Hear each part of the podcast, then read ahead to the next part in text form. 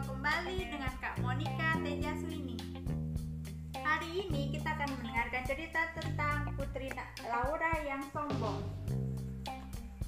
Pada suatu hari, di sebuah kerajaan ikan, hiduplah dua ekor ikan.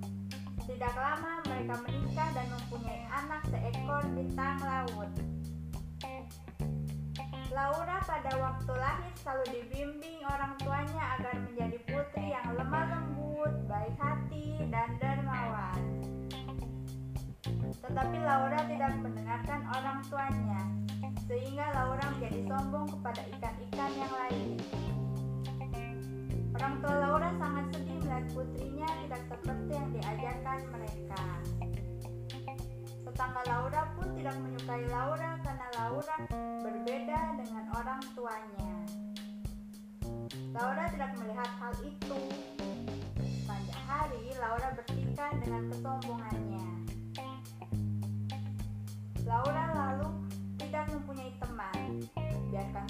mereka tidak mau berteman denganku, kata Laura sendiri.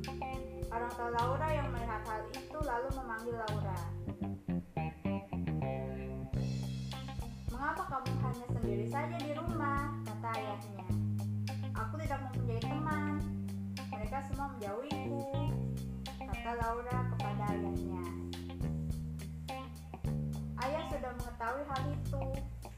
Kamu jangan sombong pada mereka, kata ayahnya.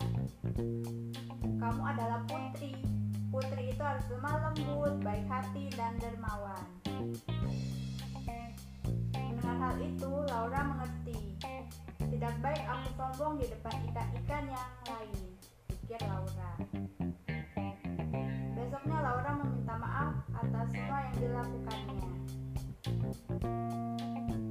Tetangga pun menerima Laura. Laura senang.